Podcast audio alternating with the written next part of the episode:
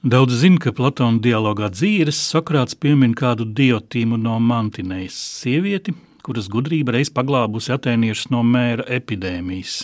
Nodēvējis diotīmu par savu skolotāju mīlas mākslā, Sokrāts atstāsta viņu sarunu par erota dabu, gari un detalizēti atceroties dialogu jautājumus un atbildes, iebildumus un argumentus par labo, skaisto, gudro un mūžīgo, Nekautrējoties pieminēt arī to, ka beigās piekritis Diotimai, nosaucot viņu par īstu sofistu. Vai mēs viņu varam uzskatīt par sengrieķu filozofu, neskatoties uz to, ka viņa nav sarakstījusi nevienu traktātu? Domāju, ka jā. Galu galā arī Sokrats neko neuzrakstīja, to nedarīja arī sofisti, bet daudzu zināmo pirms Sokratīķu tekstu līdz mums nonākuši vien fragmentāri vai citu pārstāstos.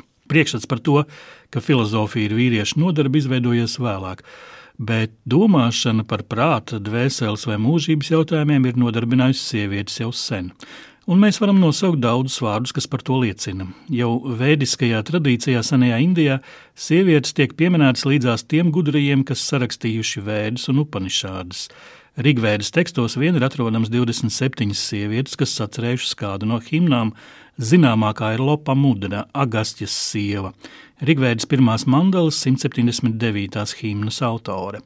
Viņa tiek pieminēta arī Jadžurvēdā, Mahabhāratā un Ramajānā. Starp citu, viņas sarakstītais teksts, tapis 2. vai 3. gada tūkstotī pirms mūsu ēras, var tikt uzskatīts par itin feministisku. Daudzus rudeņus es smagi strādāju, rītos un vakaros, ausmās, kurās novecoju, vecums atņem ķermenim skaistumu, vai tad vīriem nekad nav jānāk pie savām sievām. Brihadaraņā kumpanišādā atrodam pieminētu Jaģņavalkis sievu Maitreji, kas nodēvēta par Brahmavadīnī vēdu pētnieci.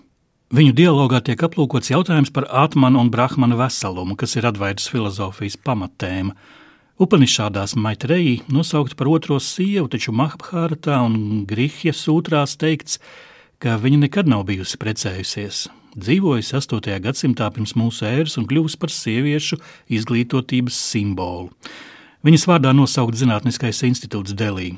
Vēl viena sieviete, kas atzīta par dabas zinātnieci un filozofi, šajā laikā ir Gargija, Vačaknu meita, jaunībā pieņēmusi celibātu, Šī sieviete ir piedalījusies karaļa Džanakas rīkotajās filozofiskajās debatēs, kur viņas zināšanas atzītas pārākas par daudzu vīriešu zināšanām. Indijas budismā zināms Khudžutras vārds.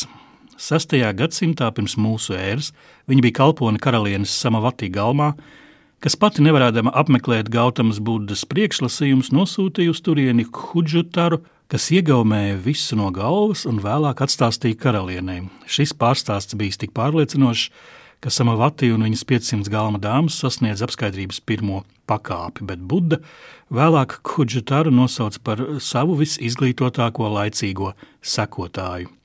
Bet kas šajā laikā notika Grieķijā? Diogēns no Lērtas piemin kādu temistoklēju Delfu priesterieni, no kuras Pitagors smēlēs lielāko tiesu savas ētiskās mācības. Citur viņa dēvēta par Aristoklēju no Delfiem.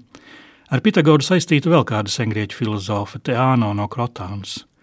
Nav skaidrs, vai viņa bijusi Pitagoras sieva, meita vai vienkārši skolniece, taču tiek uzskatīts, ka tieši pateicoties viņai, Pitagors nonāca pie daudziem saviem atklājumiem. Te ano vārds tiek minēts kā spilgts piemērs situācijai, kurā sievietes izdarīt atklājumu zinātnē tiek piedāvāti viņas kolēģim, vīrietim, jo tā tie iegūši lielāku autoritāti. 1993. gadā vēsturniece Margarita Rositera to nosauc par Matildas efektu, atdodot godu sufražistei Matildai Džoslinai Geidžai, kas 1870. gadā to aprakstīja esejā Sieviete kā izgudrotāja.